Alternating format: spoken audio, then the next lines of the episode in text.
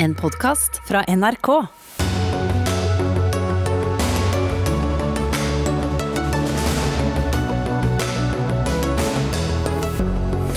Det var den eh, nedstengningen. Norge åpner eh, opp igjen i morgen klokken 16, men blir livet helt som normalt igjen? Kulturlivet ble de siste som fikk eh, åpne opp. Er det glede, ispedd litt bitterhet? Om 52 dager får vi vite hvem som blir ny KrF-leder, men er det flere enn to kort i den lederkabalen? Og når snakker vi om at noen har en annen etnisitet, og når snakker vi om at noen har en annen bakgrunn? To eh, folkevalgte med ulik bakgrunn er høyst uenige om akkurat det. Velkommen til Dagsnytt 18 på den eh, siste kvelden før Norge åpnes opp igjen. Jeg heter Espen Aas. I sendingen skal vi også innom valget i Tyskland og hur det går i Hurdal. 561 dager tok det, men nå kan vi kanskje omsider si det var den pandemien, eller iallfall det var den nedstengningen. Norge åpner opp igjen i morgen klokken 16. Énmeteren forsvinner, ikke som måleenhet, men som avstand. Og det blir heller ingen begrensninger for hvor mange vi kan være samlet. Og rundt bordet har vi med oss tre stykker som har vært gjester veldig ofte eh, i Dagsnytt 18. Kanskje er det siste gang vi samler dette trekløveret. Bent Høie, helseminister, Bjørn Gullvåg, helsedirektør, og Camilla Stoltenberg, direktør ved Folkehelseinstituttet. Begynner med, med politikeren, da. Hva er den største endringen som kommer, eller de største endringene som kommer fra og med klokka 16 i morgen, Bent Høie? Den som folk flest vil merke, er jo at uh, anbefalingen om å holde én meters avstand forsvinner, og dermed òg en rekke regler som har vært for å prøve å oppnå det, spesielt uh, knytta til arrangementer og sammenkomster. Så det tror jeg er det som oppleves. Så er det jo utelivsbransjen som jo vil få fjerna mange av sine regler om bordservering og oversikt over hvem de slipper inn. og ja. Så dette kommer til å ha stor betydning for, for hverdagen til mange. Mm. Men helt som eh, før eh, mars i fjor blir det ikke? Det er jo noen ting som vi har eh, lært oss å til under den pandemien som det er klokt å ta med seg videre, fordi pandemien er ikke over. Og det er jo å vaske hendene. Det er å være hjemme hvis du er syk, og det er å hoste i albuen.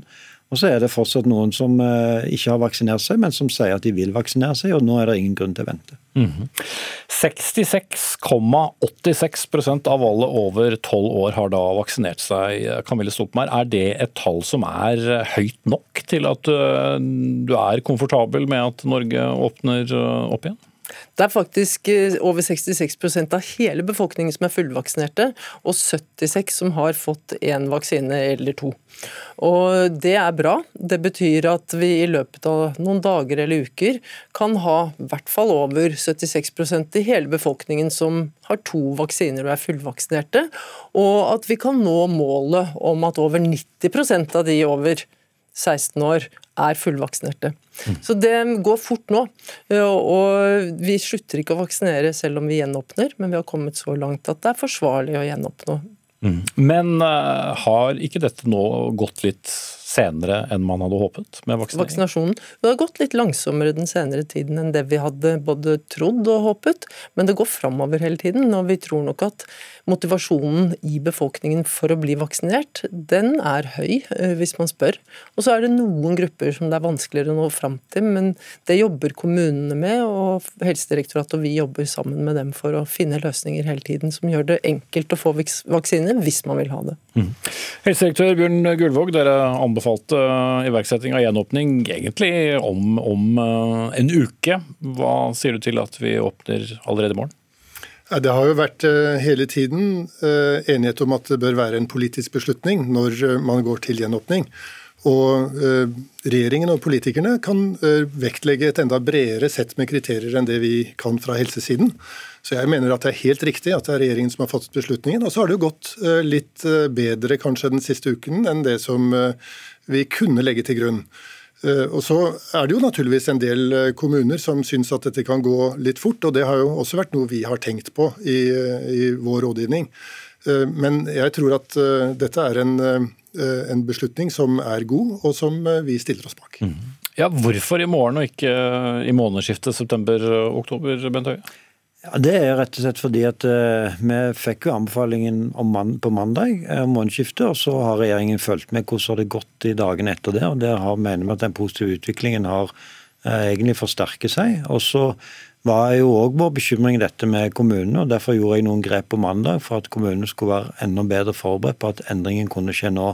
Og Samla sett så tenkte vi da at da vil det ikke være forholdsmessig overfor befolkningen å beholde disse restriksjonene eh, fram til midten av neste uke. Eh, og Da, da var regjeringens beslutning at eh, i morgen klokka fire, da mener vi at da kan både kommunene og grensene våre være godt nok forberedt på disse reglene. Og vi har en situasjon som tilsier nå at vi kan lette på tiltakene. Så det var ikke noen bekymring om hvorvidt du skulle rekke å åpne Norge igjen før du Nei, skulle begynne som eh, fylkesforvalter?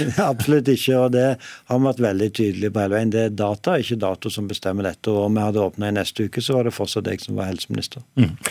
Men la oss gå da til dette med, med vaksinerte. Altså Erna Solberg eh, snakket om en borgerplikt eh, på, på pressekonferansen i dag. Er det en borgerplikt? Plikt å ta vaksinen. Det er frivillig å vaksinere seg i Norge, men når vi gjør det valget, så, så, må, så er det fint å ikke bare tenke på seg sjøl.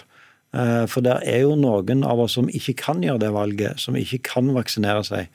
Eh, og når, når flere av oss som kan vaksinere oss, gjør det, så er vi òg med på å beskytte de som ikke kan vaksinere seg, og samfunnet som sådan. Og, og I det så, så, tenker jeg at det ligger en pliktfølelse, men det er frivillig å vaksinere seg. Det vil jeg understreke. Mm. Men det ligger en slags henstilling her?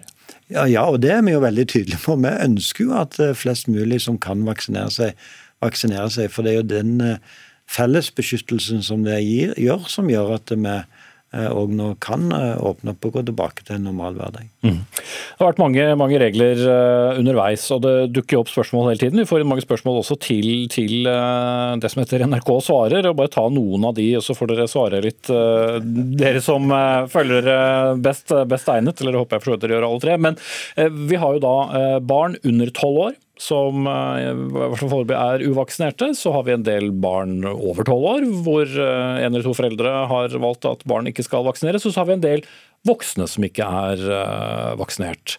Og disse kan jo ikke regne med å bli syke, men det er i hvert fall økt fare for at de blir koronasyke. Hva skal de gjøre, og hva slags status for de som nå blir koronasyke, med tanke på isolering osv.? Ja, det, det, enkle svaret er at hvis du blir syk, så skal du isolere deg. Hvor lenge? Uh, ja, det, det kan ja, det, Jeg har ikke alt det i hodet nå, for det har kommet helt nytt i dag. Og det har vært endret flere ganger. Men uh, så vidt jeg kan huske, uh, så er det fem dager. Ja. Og så kan du Det er det jeg har skrevet ut. Og, og det var veldig bra at jeg svarte riktig. For det, det, har, det har skjedd veldig mye den siste uken, så jeg tar forbehold om at jeg ikke har klart å pugge alle de nye reglene ennå. Men, men, poenget er at det er kortet ned, mm. og at det er lettere både å teste seg ut av karantene og det er tidligere man kan gå ut av isolasjon, og det var isolasjon du spurte om nå. Mm, mm. Så det er fem dager. Men er det, eh, altså bør man som uvaksinert, enten man er voksen eller, eller ung, regne med å få korona, så lenge man ikke er, er, vaksinert, ut fra den spredningen som er? Ja, før eller senere, men nå går det jo ned. Så nå vil det jo være mange steder der det ikke er noe særlig spredning i løpet av kort tid. Eh, og det er jo også slik at korona spres på en måte lokalt. Altså det, er, det spres ikke overalt likt hele tiden. Vi har jo sett stor variasjon. Men man må regne med det, fordi det er en ganske smittsom sykdom. For de som er under tolv år, eh, og også for de som er mellom 12 og 18 for så vidt, så er risikoen for å bli alvorlig syk veldig lav. Og mange som blir smittet, merker ingenting. Kanskje 30% kanskje opp i 50% det er usikkert. Men, men det betyr at eh, de vi er mest opptatt av at skal vaksinere seg, det er de som er 18 år og oppover. Eh, og gjerne også 16- og 17-åringer. Og da bør de sørge for ikke bare for én dose, men to. Mm. Og Det er jo eh, den gruppen som vi er litt urolig for fremdeles. For det kan være lommer eh, altså, eh, i befolkningen hvor det er mange tusen mennesker kanskje som har en god del kontakt, og som ikke er vaksinerte. Og Da kan viruset fremdeles spre seg med en veldig kraft og voldsom fart, slik at mange kan bli syke, og alvorlig syke. Og Derfor så må man være litt ekstra aktsom hvis man ikke er vaksinert. Og fremdeles så er det sånn at eh, de som vaksinerer, de står med åpne armer og tar imot. Så vi, vi tilrår jo nå alle som ikke har fått vaksine om å, å ta imot tilbudet. Det vil bedre og hjelpe situasjonen for dem selv, og også de nærmeste som er rundt dem. Vi vet at en, en del sier de er usikre på eventuelle bivirkninger av vaksinen for barn. Bør man være mest bekymret for ettervirkninger av en covid-sykdom, eller eh, bivirkninger eventuelt av en vaksine? Det er litt uh, omdiskutert, eh, men for det første så ser det ut til at det ikke er vanlig med ettervirkninger etter covid-sykdom blant barn. Men det gjenstår jo å se hva det endelige resultatet der blir. Når det gjelder bivirkninger av vaksine, så er det bivirkninger av vaksine både for barn og for voksne.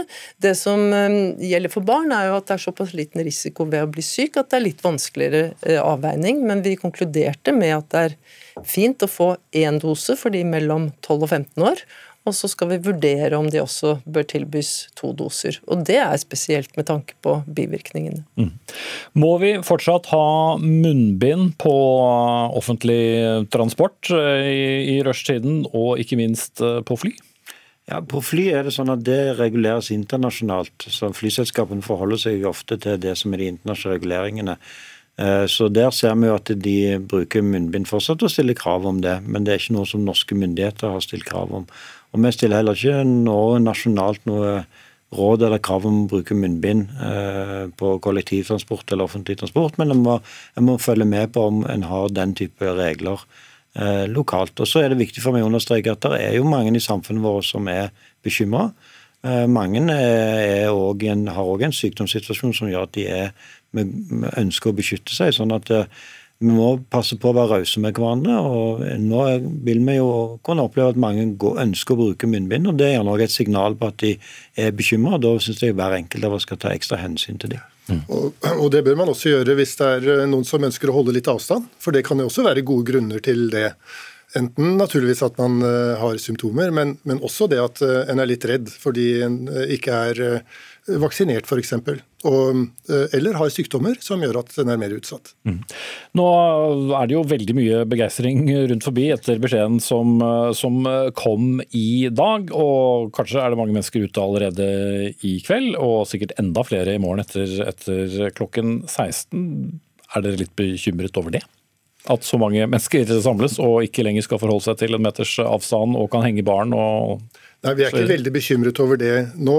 Eh, og så er det samtidig sånn at eh, eh, vi har en pandemi fremdeles, og det tror jeg folk flest forstår. Nå tas jo alle disse lovene vekk, men fremdeles så er det lov å bruke sunn fornuft.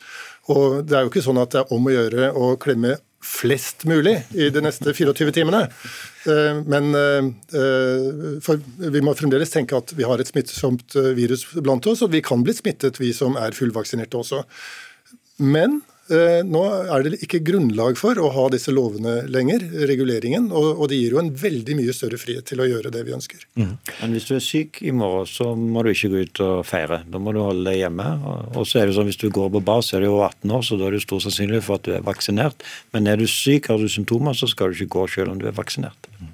Mutasjoner, som den mye omtalte delta-varianten, er vi mindre bekymret for den? Nei, det er vi ikke. Men uh, vi har sett at de variantene som har kommet så langt, de uh, håndteres av vaksinene uh, forholdsvis godt. og så kan vi ikke være sikre på at det vil skje med fremtidige varianter, så dette vil vi følge veldig nøye med på, både internasjonalt og nasjonalt. Men det er større sannsynlighet for at nye varianter vil ligne på de vi har, enn at de vil være helt annerledes. Og dette er også en type risiko vi er vant til å håndtere, f.eks. fra influensa. Eh, som er et helt annet type virus, men det er det samme. Altså, plutselig kan det skje noen sprang, men det skjer ikke så ofte. Oftest ligner de på hverandre, de som kommer sesongen etter. Mm. Hvem har ansvar for eventuell oppfølging av barn som må være hjemme fra skole eller barnehage fordi de har fått eh, covid-19 og isoleres fra andre? Er det en og alene foreldre? Ja, det er det jo. Eh, så, så det er foreldrene som har ansvar for barna sine hvis de blir, blir syke. og sånt vil det være. Men som Camilla sa, det er jo veldig sjelden at barn blir veldig alvorlig syke av, av dette. og og så er det jo sånn at Vi skal inn i en influensasesong, og da vet vi jo at en del barn blir, blir syke. og Da, da bør en være, være hjemme. Mm -hmm. Tas beredskapen nå ned på sykehusene? Eh, det varierer nok eh, forskjellige steder i landet, avhengig av eh, hvor mange alvorlig syke de har. Men altså Beredskapen samlet tas jo ikke ned, men de har jo et, de har ulike beredskapsnivåer. Og Noen kan ligge på et litt lavere nivå, og andre har et høyere nivå, avhengig av hvordan de opplever at risikoen er. Eh, men er, altså samlet så er det en veldig god beredskap nå både i kommunene og sykehusene. og Det er jo det vi har jobbet med de siste ukene, for å forsikre oss om at når vi har eh, normal hverdag, så skal vi også ha økt beredskap. Og eh, Det gjør at vi må følge enda bedre med, og vi må ha tiltak som kan iverksettes hvis det skulle vise seg at vi får en stor sykdomsbelastning, eller hvis kapasiteten i helsetjenesten eller andre velferdstjenester blir satt under press. Eller for så vidt hvis det er andre eh, forhold i samfunnet som, eh, som er vanskelig å håndtere. Mm. 850 liv har eh, gått tapt under pandemien. Er det likevel lov å si at dette er en gledens dag, og at folk kan i morgen da, slippe seg mer løs? Jeg forstår jo veldig godt at de som har mista noen, så det jo, har det vært uh, tungt. Uh, og, og, jeg kan også tenke at noen av de syns at det liksom at ja, det, Mange er jo veldig glad i dag, men, men, noen står jo igjen både med at de har mista noen, og noen står også igjen med varige utfordringer som følge av pandemien. At de har mista jobben, eller at de har fått forsterka sine psykiske helseutfordringer. Og Det må vi ikke glemme. Vi skal ha lov til å glede oss, men det er veldig viktig at nå har vi vist hva vi får til sammen i pandemien. Nå må vi også stå sammen om å ta med oss alle videre etter pandemien. og Det vil kreve en stor innsats for samfunnet som helhet, men jeg tror òg en oppfordring til hver enkelt av oss å se mennesker rundt oss som, som sliter. Mm. Bjørn Gullvåg, Camilla Stoltenberg og Bent Høie sammen med Espen Nakstad har dere vært de fire gjestene som har vært oftest i dette studio. Jeg skal ikke si at jeg håper at jeg ikke ser dere her igjen, men eh, skal vi si det sånn at vi får prøve å slutte å møtes på, på denne måten. Bent Høie, du blir sittende, og så takker vi av Camilla Stoltenberg og, og Bjørn Gullvåg.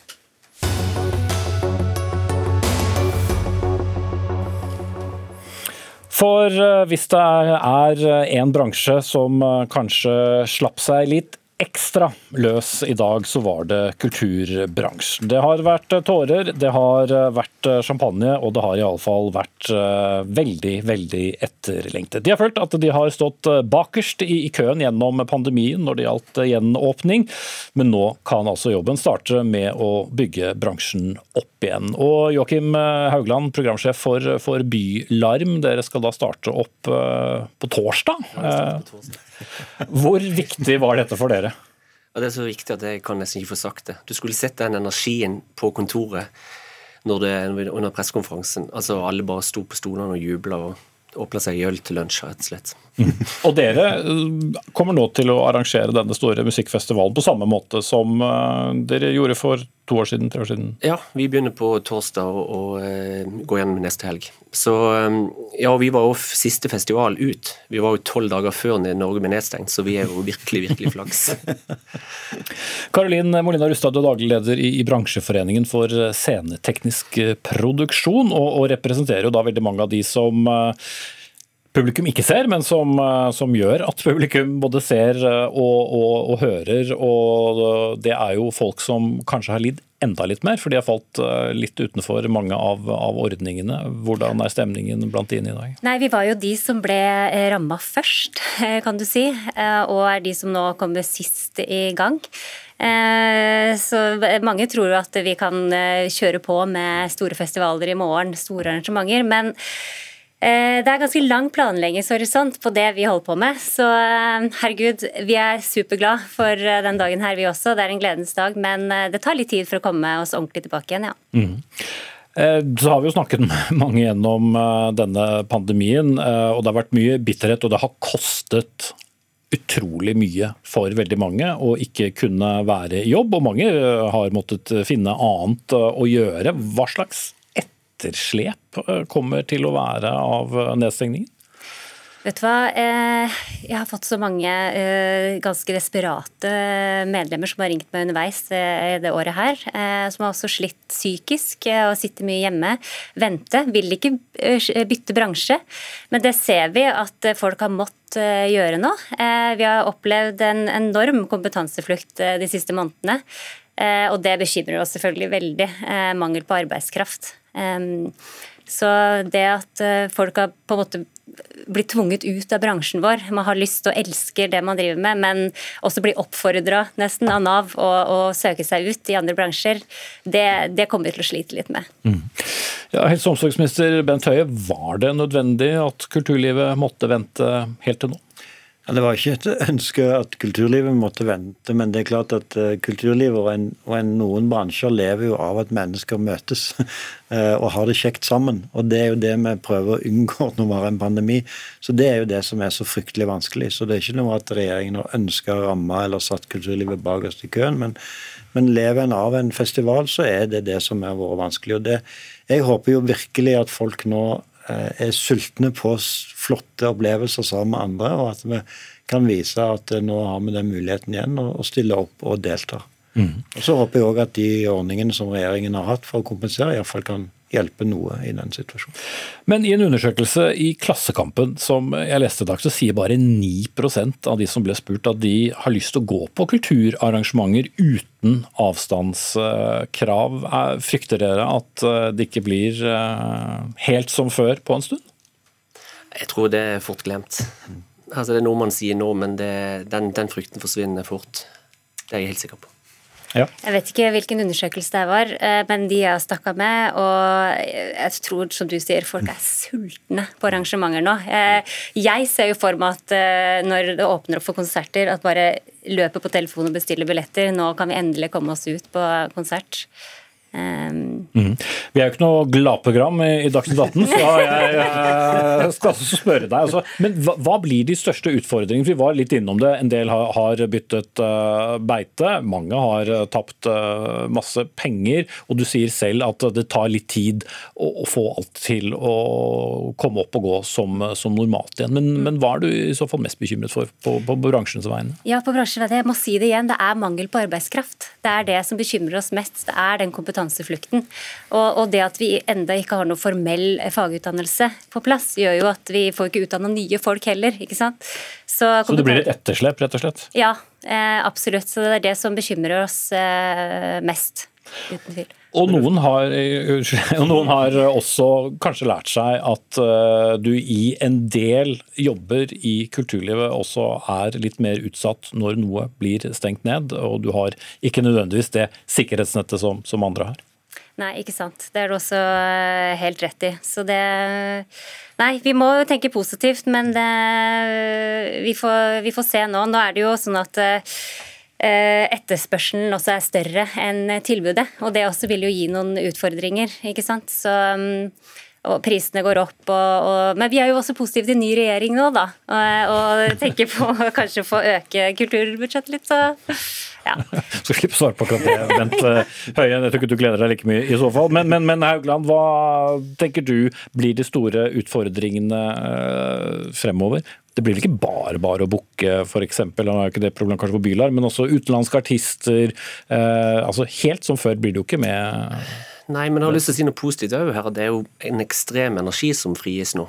Eh, alle har lyst til å gå ut. Eh, alle har sittet inne i 18 måneder og lagd ny musikk og, og gjort sine ting som de nå skal vise. Selvfølgelig blir det problemer med å booke for utlandet, og det merker vi allerede på vår festival. Men det kommer til å gå seg til etter hvert. Jeg tror at vi skal først og fremst ta den energien og den, det positive med det som har skjedd nå. Mm. Hva er din melding til eh, de som er litt skeptiske på tanken på å, å havne inn i en eh, bukett av eh, svette, gaulende konsertdeltakere, Bent Høie? Det er rett og slett at Vi har jo nå vist at vi er ganske flinke til å gjøre det som er riktig. og Det betyr at det er trygt.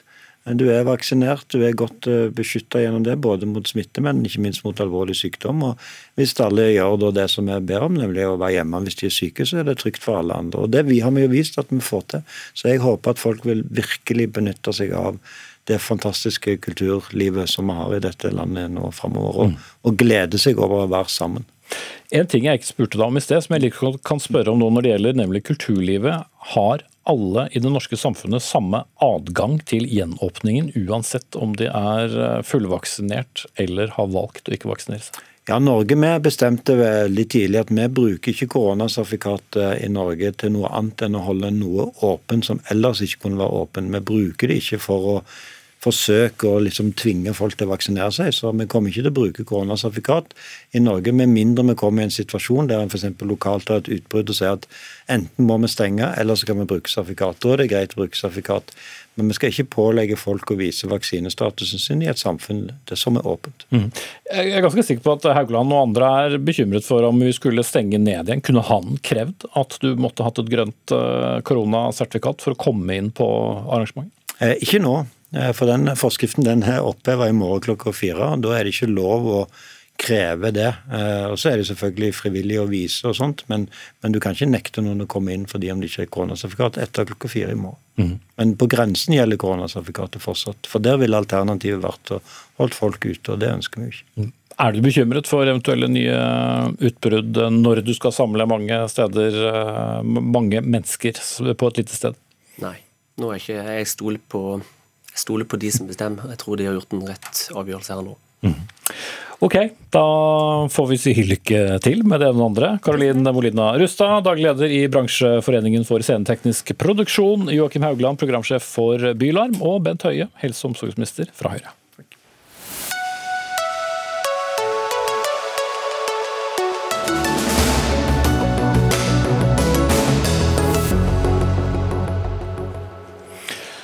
Det har vært eh, sondert i to dager til ende, men SV, Sp og Ap fortsetter herligheten på Hurdal også over helgen. Hva vet vi egentlig så langt om sonderingene? Det blir mer om det mot slutten av eh, Dagsnytt 18. Eh, men det skal foretas andre valg også. Europas største økonomi velger nemlig ny nasjonalforsamling på søndag. Men det er ikke bare det som blir nytt for tyskerne. For Angela Merkel som har vært forbundskansler i 16 år, stiller som kjent ikke til gjenvalg. Og korrespondent Roger Severin Bruland med oss direkte fra Berlin. Hva slags valgkamp er det som nå går mot slutten i Tyskland? Det har jo vært en uvanlig personfokusert valgkamp, og en valgkamp prega av mange skandaler og tabber.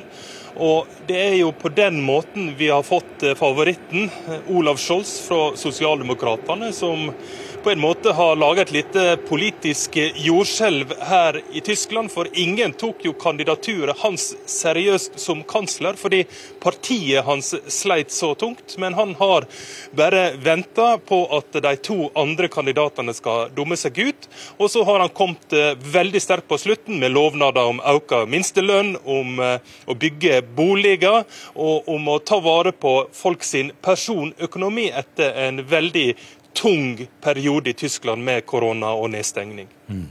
Hvor mye selvtillit uh, har han på hvilken uh, politisk tittel eller politisk verv han, han, vil ha etter valget på søndag?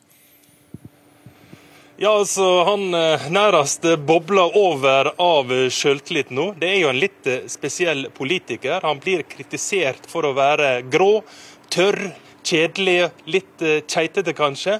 Men det har nesten vært en slags uh, suksessformel Tyskerne har trykka han til sitt bryst. Den her eh, altså litt grå stilen eh, mener jo velgerne tydeligvis at eh, det betyr at han er en seriøs mann. Og han har jo sjøl sagt det at han søker jobben som eh, kansler, og ikke som sirkusdirektør. Og det her har jo gått rett hjem hos eh, tyskerne. Hvilke saker har tyskere flest eh, vært opptatt av når du har vært rundt og dekket valgkampen, kampen, Bruland? Ja, altså I starten så handla det jo veldig mye om klima. og Vi hadde jo den forferdelige flammen vest i Tyskland der mange ble drept. Mange fikk eh, ødelagt livsverkene sine. og Da trodde mange det at nå skal valgkampen handle om klima. Men dessverre så har De Grønne sin eh, kandidat eh, gått på tabber og blitt beskyldt for plagiat og, og andre ting. Slik at Eh, budskapet til Scholz har kommet mer fram, og der handler det om økonomi. Om at eh, Tyskland skal fortsatt spille en viktig rolle i verden etter Merkel. Og at eh, Scholz har tatt mål av seg eh, for å være en etterfølger til Merkel. Vi så jo også ei avisforside der han hadde den her karakteristiske handmanøveren som, som Merkel har når hun folder hendene. Litt for å vise tyskerne at ja, her er det en person som kan videreføre det ja, imponerende arbeidet Merkel har gjort, selv om han tilhører et eh, annet parti. De sitter jo da i koalisjon eh, sammen, men at eh, ja, han kan, han kan være en videreføring av Merkels arv. Astrid Sverresdotter Dybvik, du er journalist og også Tyskland kjenner. Hvordan ser tyskerne på et, en politisk fremtid uten Motti, altså Angela Merkel? Hun har jo vært en veldig markant politisk figur i Tyskland gjennom, eh, gjennom mange år. og altså, hun har vært veldig viktig for Tyskland internasjonalt, fordi at hun har vært så respektert uh, i internasjonale fora. Har vært en veldig viktig stemme for, for Tyskland. sånn. Men eh, nå er jo alle sammen veldig spent på hva som, hva som skal komme etter henne. Eh, og etter sommeren så er det jo Sosialdemokratene som har ligget best an på målinga. Men det som men det er ikke sikkert at det er de som kommer til å ende opp med å ha kansleren eh, likevel. Fordi det er så veldig mange velgere som ikke har bestemt seg. Og Hele valgkampen har vært, eh, altså har vært veldig prega av eh, store svingninger på målingene. Så før, før, sommeren så var det De Grønne som lå, an, som lå best an. og De, ligget, altså de var det største partiet på flere måling, målinger eh, over lang tid. og Det har de aldri vært før, så det var ganske sensasjonelt. Og så Eh, så gikk, hadde han Armin Laschet eh, og CDU, altså Angela Merkel sitt parti, stor framgang eh, like før sommeren, som dabba av etter at han var litt uheldig i forbindelse med den flomkatastrofen. Og lo i bakgrunnen mens han befant seg i et katastrofeområde, og det ble fanga opp på kamera. Og Etter sommeren da, så er det, han, det sosialdemokratene alle sammen har snakka om, men fortsatt så kan altså marginene er ganske små. Og egentlig så kan eh, ja, man, man, vet ikke hva som vil skje da, pga. at det er så mange som ikke har bestemt seg ennå. Mm. Eh, med fare for at mange, mange nordmenn foreløpig fortsatt har mer enn nok av utjevningsmandater og distriktsmandater å, å, å svelge, men i, i, og med at ting er, eh, kan bli såpass tett, hvordan blir eventuelt da en ny forbundskansler valgt inn? Altså, hva, hva må på plass? Hvordan er systemet? Eh, tradisjonen i Tyskland er at det største partiet er, ha, er det som skal ha kansleren. Eh, og så har det også vært en viktig parlamentarisk praksis i Tyskland på at det skal være en flertallsregjering. altså Man skal ikke sitte og ha mindretallsregjering som, som, som finner forlik, forlik og har støtteparti som bare sitter i, i forbundsdagen.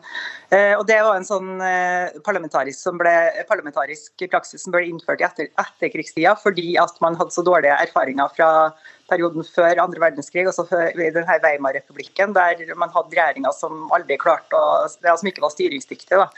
Eh, men det er ingenting i veien i den tyske grunnloven for å faktisk ha en mindretallsregjering. Men det har man hele tida søkt å unngå. da. Men eh, altså, nå er det jo en, også en diskusjon på gang der en del sånne strør fram denne ideen om man kanskje skulle prøve seg på en mindretallsregjering, siden det ser ut som at det vil bli vanskelig for å danne flertallsregjering da, mm. etter valget. Fordi at partilandskapet er i oppsplitting. Da. altså De store partiene eh, blir mindre, og at eh, så har det kommet til flere partier også. Til slutt, Roger Severin eh, Bruland. Eh, dette er Europas største økonomi, Europas økonomiske lokomotiv, som vi ofte sier, også stort i verdenssammenheng. Hvor hvor viktig er valget for eh, den stabiliteten eh, videre, eller eh, handler ikke det fullt så mye om partipolitikk? Det er jo enormt viktig og et enormt viktig valg for Europa og for verden at Tyskland fortsatt har en dyktig kansler, en dyktig regjering. Og vi har jo sett det i utallige situasjoner der vi har hatt eh, populister i både Frankrike og USA, og vi har autoritære krefter i Russland og Kina. At eh, vi har noen som representerer det europeiske demokratiet på verdensbasis. og Der har jo Angela Merkel gjort en kjempejobb. og Derfor er det jo også så utrolig viktig hvem som blir kansler, og kanskje også derfor at eh, det har vært så mye personfokus, mer enn partifokus eh, også. Så eh, nei, det, en kan ikke underdrive hvor viktig det valget her er. Og som det var sagt her, det er jo utrolig spennende hva resultatet blir, for eh, det er ikke sagt på forhånd. Roger S. Bruland og Astrid S. Dybvik, takk skal dere ha.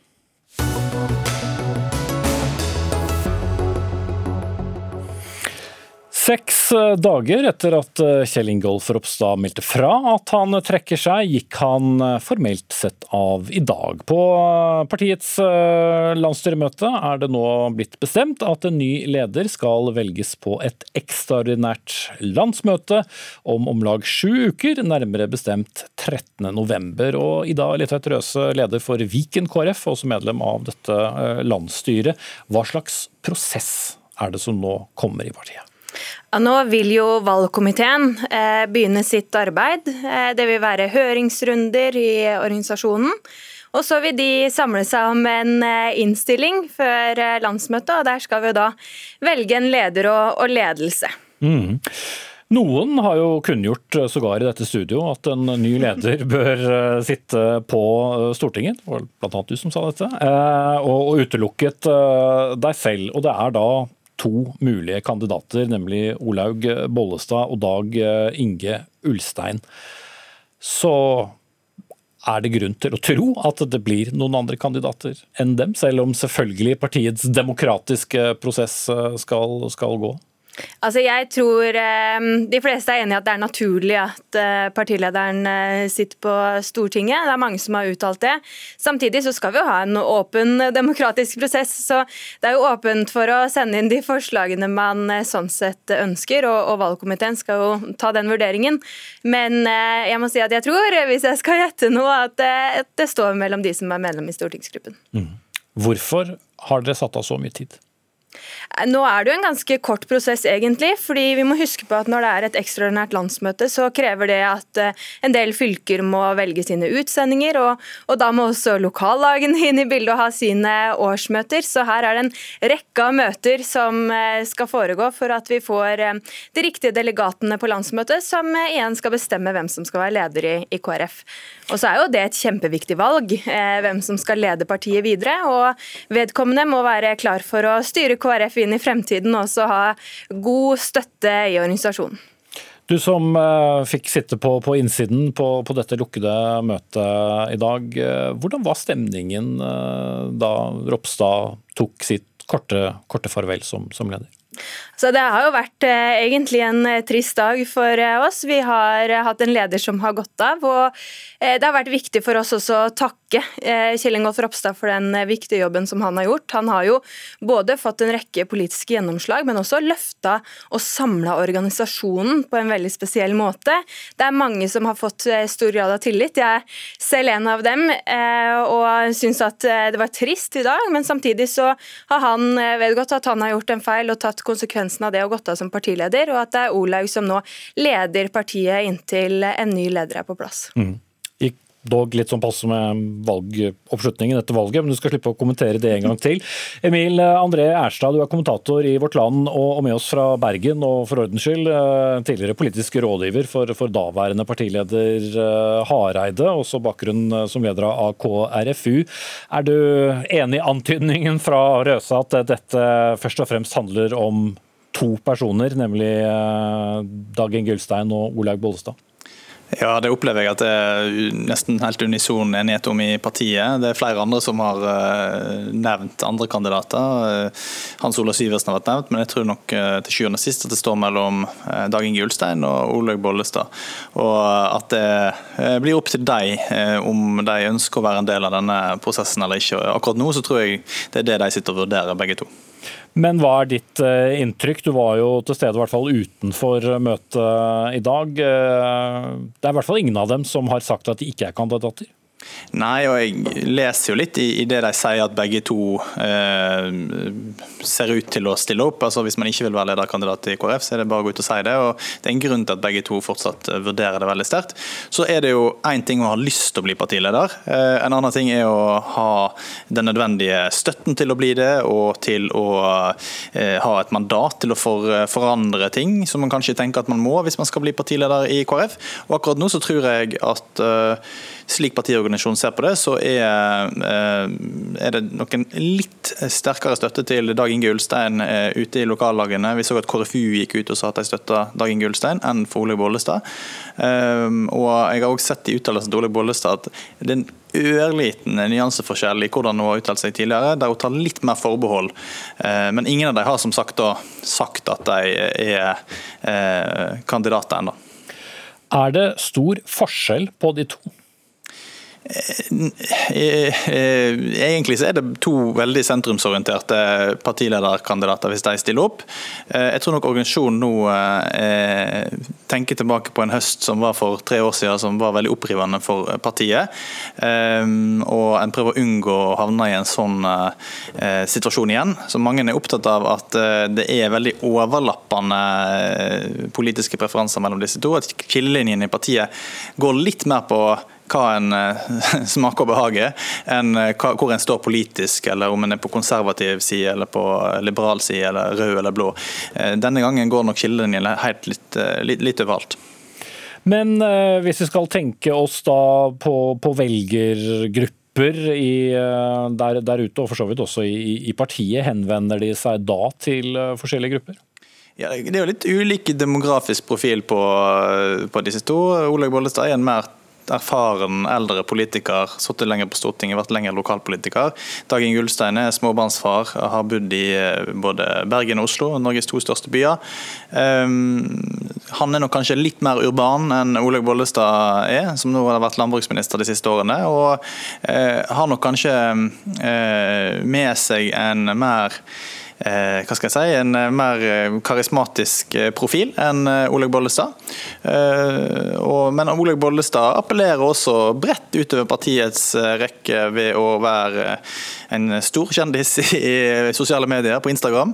Men så spørs det, da. Jeg tror nok partiet hovedsakelig vil være ute etter å se hvem kan fornye partiet og sikre at partiet kommer ved sperregrensa i 2021. og da tror jeg partiet er Eh, usikre, men, eh, men at eh, akkurat nå så tror jeg kanskje det er et liten vind i favør Ulstein. Men blir det noen reell lederkamp hvis begge kandidatene stiller, da, for å ta det forbeholdet? Ja, akkurat Det vi ser nå er jo en litt sånn uh, vente-og-se-holdning fra både Ulstein og Bollestad, eh, om de eh, ønsker å stille opp. Um, og Det tror jeg handler om at ingen av dem ønsker at det skal bli en uh, opprivende lederstrid. Så Hvis en ser at støtten for er veldig stor i favør en av dem, og den personen, f.eks. Ulstein, stiller opp, så tror jeg Ole Bollestad da forbereder seg på å tre stille og rolig tilbake og være nestleder i en i en ny ledelse i KrF, f.eks. hvis det er det som skjer. Jeg tror nok partiet eh, foretrekker en sånn løsning framfor en løsning der begge to reiser rundt i fylkeslag etter fylkeslag og eh, skal eh, kjempe mot hverandre. Det kan nok oppleves litt, litt som en reprise av 2018. Ida Lindtveit Røse, du skal få slippe å la kommentatoren få, få, få siste ordet. Men ut fra de inntrykkene du får når du snakker med dine partikolleger eh, i dag, eh, hva slags appetitt er det for eh, noen, noen lederkamp? Nei, Det viktigste nå er jo at vi som parti står egentlig sammen som et felles lag med kampen for familie, en bedre eldreomsorg, og at det viktigste er at en ny leder i KrF fortsetter dette viktige prosjektet og kan lede oss eh, opp og over sperregrensa igjen. Eh, og Det tror jeg begge de to kandidatene har gode forutsetninger for å gjøre, med det laget som er eh, i KrF for tiden. Ok, Ida Lindtvedt Røse, leder av Viken KrF, og Emil-André Erstad, kommentator i Vårt Land. Takk skal dere ha.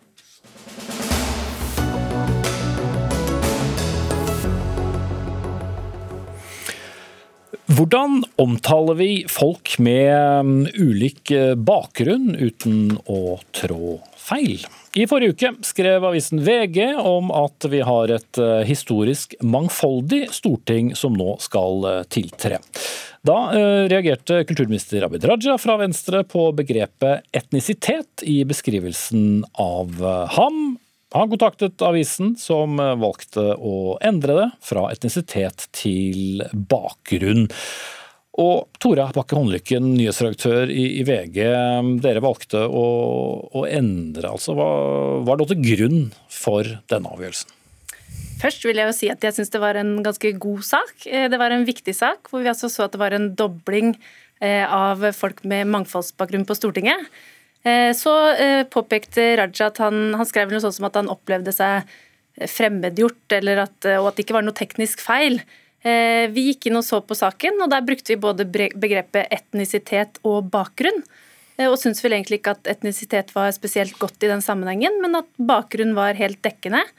Eh, og tenker at det er viktig at vi har et presist språk, og også et språk som ikke er ekskluderende. Mm. Hvordan skiller man på bakgrunn og etnisitet i VG? Nei, og det er jo, ikke sant, Språk er jo vanskelig. I NRK vet jeg at dere har en egen ordbok for denne type, eh, for, som man kan hjelpe seg og støtte seg til. Vi har en dynamisk diskusjon. Eh, og så tror jeg at eh, etnisitet er et begrep som mange legger ganske mye forskjellig i. Og for vår del så var, var det rett og slett enklere og mer presist å bruke bakgrunn, og valgte å lande på det. Mm. Var det en vanskelig avgjørelse? Nei, Vi diskuterer eh, språk og titler og bilder hele tida, og vi justerer. Og det var ikke noe høy terskel heller for å endre her, når vi så at det ordet som allerede sto der, det var rett og slett litt smør på flesk, og tenkte at eh, vi tar bort etnisitet og lar bakgrunn stå. Mm. Mahmoud eh, Farahman, påtroppende stortingsrepresentant for, for, Høyre. I motsetning da til, til, Raja, så hadde ikke du noe imot å bli omtalt å ha en etnisitet som, som iransk, og du flirer, for jeg vet at dette er ikke det du syns er aller viktigst, men hvis du skal prøve å på en måte forstå eh, de to ja, tingene? Altså, jeg, jeg, for min del eh, har jo et avslappa forhold til dette. Jeg er født i Iran, kom til Norge da jeg var åtte osv. Så, så, så, så det er det. Og så, tenker jeg eh, av og til så må vi eh, legge godvilja til her. Eh, når dere omtaler saken, så gjør dere positivt fortegn. Det er det jeg opplever. og Så kan vi sikkert diskutere dette med mangfold, men jeg tror også mangfold, at, at, dere gjør det er som sagt positivt. Og så tenker jeg mangfold måles i andre parametere enn kun etnisitet og hudfarge. Jeg tror meningsmangfold er det, det vi ønsker. ikke sant? Det er, det er, det vi vil ha. At det kommer inn ti stykker med, med, med, minoritetsbakgrunn, for å bruke det begrepet, og alle har gått på partiskolene, så får vi kanskje ikke nødvendigvis de mangfoldige perspektivene vi trenger, og de mangfoldige meningene vi trenger. For det er jo det vi ønsker i utgangspunktet. Mm. For du er først og fremst eh, valgt inn fordi du er eh, Høyre-mann, og ikke fordi du ble født i Iran? Nei, jeg håper da inderlig at de som har stemt på meg i Telemark, har valgt meg inn fordi de tror at jeg kan gjøre en best mulig jobb for Telemark og de de er. Og de er både innvandrere og de er etniske nordmenn. Det er vel det vi ønsker. Og det er det jeg er veldig bevisst på. Og jeg, jeg håper ikke noen, verken i Oslo eller i Telemark eller i Nordland, stemmer på noen fordi de har samme hudfarge som dem selv, for da er vi jo langt ute i viddene. Da kommer identitetspolitikk, begrep og masse annet rart inn. Mm. Men er det ikke samtidig også vanskelig å helt uh, sette det til side? For det handler noe om hvor vi er. Det var en gang at man måtte være mann for å bli valgt inn uh, på Stortinget. Det vil jo alle ledd av i dag. Uh, og så kommer vi vel sannsynligvis til et tidspunkt hvor kanskje ikke noen er så opptatt av om du er født i Iran eller om du er født i Telemark? Jeg tror det er en sånn eh, ansvar vi eh, som innvandrere, altså jeg som innvandrer har for å sette det der til sida. For det viktigste er den politikken jeg fører eh, og de menneskene jeg representerer. Og så er det et annet perspektiv her som jeg har liksom lært meg til å forstå, og det er dette med representasjon. Altså at andre som ser dette her tenker at nå er vi på en måte der at vi kan ha, ha, ha altså at, at, disse, jeg kan være som han eller hun eller, den, den personen som er der. Men jeg har personlig kan si det sånn at når jeg har sittet og sett på norske politikere, sett på Torbjørn Røe Isaksen som er fra Porsgrunn og fra Telemark, så har jeg tenkt at dette er en fyr jeg kan identifisere meg med. Dette er en jeg har lyst til å være lik som politiker. Og ikke tenk så mye over at han er hvit, eller, eller han er lav, eller han har skjegg. eller hva det måtte være. det er ikke, det er ikke uh, Torbjørn Isaksen her i studio å forsvare sin, sin lave høyde. Neida. Eh, Thomas Talava Prestø, du er samfunnsdebattant og, og, var også med i den samme saken i, i VG. Nå ville ikke Abid Raja, eller kunne ikke, være med, med å diskutere dette her, men du, du, sa til avisen at det var riktig, uh, eller sa at det var riktig av VG å, å endre fra etnisitet til til bakgrunn. Hvorfor det? Det handler egentlig bare rent sånn faglig, at en, en landebakgrunn eller en nasjonalitet er ikke en etnisitet. Så det er rett og slett bare feilbruk av ordet. Så egentlig for meg så slutter nesten diskusjonen der. Eh, jeg tror alle er innforstått at det ikke var vondt ment. Men en etnisitet er faktisk ikke farge. Eh, etnisitet har faktisk ikke noe med farge å gjøre. Så hvis noen skal beskrive meg og sier annen etnisk bakgrunn fordi jeg er brun i huden, så er man også feil. Jeg er etnisk norsk. Min oldemor tegner teskjeskjæringa. Det syns ikke på meg, men det er min faktiske kulturelle bakgrunn. Eh, så det er noe med at presisjon er viktig, og den er mer og mer viktig nå som man nettopp har fått dette mangfoldet. Fordi noen har innvandrerbakgrunn, noen har ikke innvandrerbakgrunn hvem de representerer. Noen har blitt valgt inn pga. deres fagkompetanse eller plattform. Andre har også blitt valgt inn pga. representasjon, for de har hatt et godt kontakt med et miljø som har stemt på dem fordi de ønsker å bli representert. Mm. Så jeg syns det er et symbol på at vi har et fungerende demokrati. At det er et økt mangfold. Og det syns jeg er viktig at vi klarer å sette fingeren på, på en eller annen måte. Men hvor viktig er ord, da? Ekstremt viktig. Det er en grunn til at enhver rettighetskamp starter som oftest med å plukke på eh, språket som man bruker. Det vet, kjenner man igjen fra kvinnekamp, fra borgerrettighetskamp. Hele veien så har man en språklig justering nettopp for å ivareta for språk tilfører verdi eller tar vekk verdi. Mm. Men er det også sånn, for jeg husker fra for fire år siden så diskuterte vi også sammensetningen av, av, av Stortinget. Eh, og så blir det jo mer oppmerksomhet eh, hvis man ikke er eh, hvit i huden. For er du tyskfødt og uh, valgt inn på Stortinget, eller får et verv som, som statssekretær, som var et poeng i, i forrige uh, periode, så får det ikke så mye oppmerksomhet. Hvis du fysisk kan se at noen altså Tora og Håndlykken og Dere er fra samme fylke opprinnelig, så vidt jeg vet, men, men, men det blir likevel gjort en, en, en, forskjell på det. Ligger det noe der? Ja, altså, sånn at du må forsvare det på en annen måte? Jeg, altså, jeg, jeg for egen del kan, kan, kan, si det litt sånn at uh, man, man, gjør et uh, nummer ut av dette med, med, med, etnisk bakgrunn, eller, eller, hva man skal si, bakgrunn, hudfarge, hva skal være. Jeg, jeg, jeg, er ikke så komfortabel med det. For jeg har, og jeg vet mange andre innvandrere, innvandrere som på en måte med innvandrerbakgrunn som kommer inn på Stortinget, vi, er, vi, har lyst til å føre en politikk, vi. Det er det vi er mest opptatt av. Og så må jeg jo si, liksom, hvis jeg skal være litt mediekritisk, si at det er jo også viktig at mediene også inviterer oss til debatter som omhandler noe annet enn, enn det vi sitter og diskuterer her. Jeg har fått vært heldig og fått vært her og diskutere andre ting. For da får vi faktisk snakke om de tinga som er viktige. Eh, Modassar Kapur i Høyre han driver med finans, han. Mm. Det er det som er viktig der. Og Raja er kulturpolitiker per, per nå, iallfall. Mm. Eh, så det er liksom litt, det fokuset. Jeg, jeg er litt enig i det begrepsbruken, som du sier, men jeg tror hvis vi skal komme bort fra det, så må vi snakke om den politikken vi fører, de ståstedene vi har og de ansvarsfeltene vi har. Mm. Så fort du får eh, vite hvilken komité du skal sitte i, så vil nok de endre det. Men, men tilbake til, eh, til uh, ord uh, og ens visuelle uh, fremtoning. Hva, hva, hva, tenker du om? Vi må være tydelige om hva vi snakker om. og Det vi snakker om er jo bl.a. likeverdige tjenester. Vi snakker om et fungerende demokrati. Vi snakker om barrierer. Eh, og da, er, da, vet vi, også fra norske rapporter om diskriminering osv., at det å være en synlig minoritet fører til visse barrierer. Så det at man da markerer at disse barrierene har man klart å overkomme, eller man har et demokrati som fungerer godt nok til at det her er det en milepæl som man har oppnådd, det tror jeg er viktig. Og så tror jeg det er veldig viktig hvordan man følger det opp. Det er veldig viktig at de politikerne nå ikke blir bokset inn som minoritetspolitikere, som kun skal snakke om minoritetsting og sånn. Det er noe med hvor stor verdi legger man på det. Der tror jeg man må være veldig forsiktig. Men at man får lov til å feire at nå er det et glasstak som er brutt, som nettopp gir et mulighetsrom hvor de nå kan få lov til å markere seg som kjempedyktige på veldig mange ulike felt, det tror jeg er viktig. Men fordi jeg jobber i grasroten, så vet jeg hvilken ringeffekt det allerede har hatt blant spesielt unge som ser seg selv reflektert på ulike måter. Så jeg klarer ikke egentlig noe annet enn å feire at jeg vet at blant de nå så kommer det til å komme veldig mange fordi dette har skjedd. Og da tror jeg det er fint. Det er så veldig mye negativt fokus, og da kan vi også få lov til å ha litt positivt mhm. fokus. Mm. Fordi at uh, Farahman, du kan også risikere å bli sett på som et, uh, et, et forbilde. Altså risi, ja, risiko sagt ja, med, med humoristisk fortegn. Det er vel mer risiko for de som ser på meg, nei da. men, men, ja, det, det, kan jeg, og det, er, det, det, må man være også bevisst på. og det har Jeg sagt, jeg sa til Varden i Telemark at, eh, under valgkvelden at jeg er et forbilde både for innvandrerungdom, men også for norsk ungdom. Mm. det, det, er liksom litt viktig å ha det fokuset. og når jeg snakker om innvandrerungdom innvandrerungdommen, så må vi huske på at eh, det er også mange norske ungdommer som har innvandrerbakgrunn. Så, så det er liksom eh, og det, det, er viktig, og det må man ha fokus på. Men så er det slik at innvandrere lykkes i så mange andre felt også. Innenfor idretten, innenfor kunst og, kunst og kultur, og innenfor lokalpolitikken. Mm. For Tore Håndlykken, tilbake til journalistikken. Da. Det eh, som vi snart skal snakke om, så, så er det jo sonderinger på, på Hurdal, som etter hvert skal uh, bli til en, en, regjering. Og da kommer vi jo, vet jeg, til å telle opp mange ting. Hvor mange kvinner, hvor mange menn, hvor mange fra Nord-Norge, hvor mange fra Oslo, hvor mange fra Vestlandet. Men det blir vel også lagt merke til uh, om hvorvidt det er noe med en annen bakgrunn? Selvfølgelig. Og vi har laga så mange kritiske saker om når Stortinget er blenda hvitt. Så jeg mener at det er helt åpenbart et journalistisk poeng når vi nå ser at det er en endring. Og den kritiske journalistikken vi har på det området, er jo med på skape debatt og er med på å skape endring også.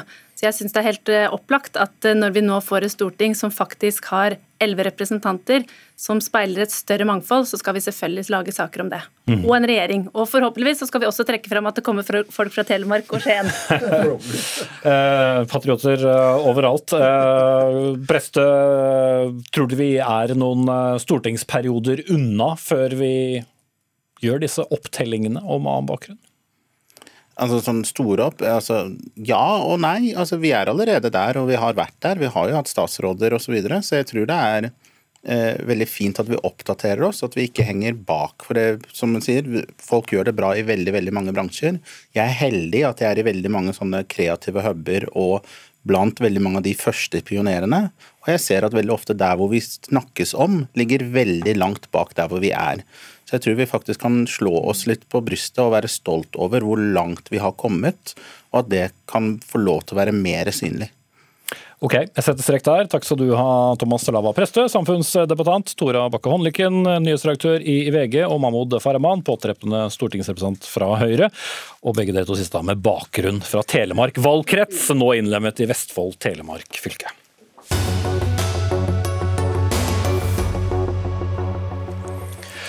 Regjeringssonderinger, ja. For eh, hvorvidt formelen Ap pluss Sp pluss SV er lik sant eller usant, det vet vi fortsatt ikke. Regjeringssonderingene ble avsluttet før helgen, nå i ettermiddag. Hvorvidt dette kommer til å føre til noen eh, regjeringsforhandlinger, se det vet vi ikke ennå. Men det er mange som følger med. En av dem er deg, Anne Ekorn Holmen, politisk redaktør i eh, Nasjonen. Er du blitt noe klokere av uh, hvor de tre partiene står etter disse to første dagene med sonderinger? Nei, det er uh, som du sier at uh, alt vi egentlig driver med nå, det er spekulasjoner. Fasiten har vi fortsatt ikke. Eh, en del av oss som var fra mediene på, til stede på Hurdalssjøen hotell, eh, fikk jo fort forstå det at eh, her er korta veldig tett til brystet, og det snakkes veldig lite om hva som egentlig foregår inne skal vi si, i kjelleren, for det er vel der forhandlingene foregår, eller sonderingene foregår. Ja. Nei, det er viktig, fordi at forhandlingene kommer forhåpentligvis og mest sannsynlig da seinere og i neste uke. Men partilederne kom ut og, møtte mediene i dag. Hva ble egentlig sagt, og hva, hva er det du skriver hjem om? Ja, det som, det som blir sagt og det vi vet, det er at det er såkalte gode, seriøse samtaler eh, som, som, pågår, og at det er god stemning mellom de eh, seks som sitter sammen og forhandler. Det er jo to fra hvert parti her.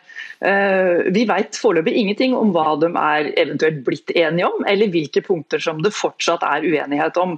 Men det vi vet er at eh, Støre er veldig opptatt av å legge fram eh, det faktum at det er mange ting de har til felles, og en retning eh, som de har til felles. Men eh, det de diskuterer er mest sannsynlig klima- og oljepolitikk, som vi vet at eh, særlig Senterpartiet og SV er delvis uenige om. De diskuterer helt sikkert natur og vern og bruk av natur, ulv- og rovdyrpolitikk. De diskuterer kanskje også helseforetaksmodellen, som jo er noe Senterpartiet og SV er enige om, der Arbeiderpartiet ikke er enige om at man skal endre på den. For Det blir jo ofte litt fokus på at det er SV og Senterpartiet som står lengst fra hverandre. Men i noen saker så er det jo også sånn at de to er enige mot Arbeiderpartiet. F.eks. når det gjelder forholdet til EU og EØS. Eh, som, eh, som, er kanskje et vanskelig diskusjonstema, men som kanskje Arbeiderpartiet har såpass mye tyngde på at de legger lokk på, for å si det sånn. Sier takk til deg, Anne Ekorn Holmen, politisk redaktør i Nasjonen. Dagsnytt 18 er ved veis ende, ansvarlig for innhold, og også kanskje vasket for siste gang med sprit og klut, uten å utvikle kluten allergi. Dag Dørum, teknisk ansvarlig, Marianne Myrhol. Jeg heter Espen Aas.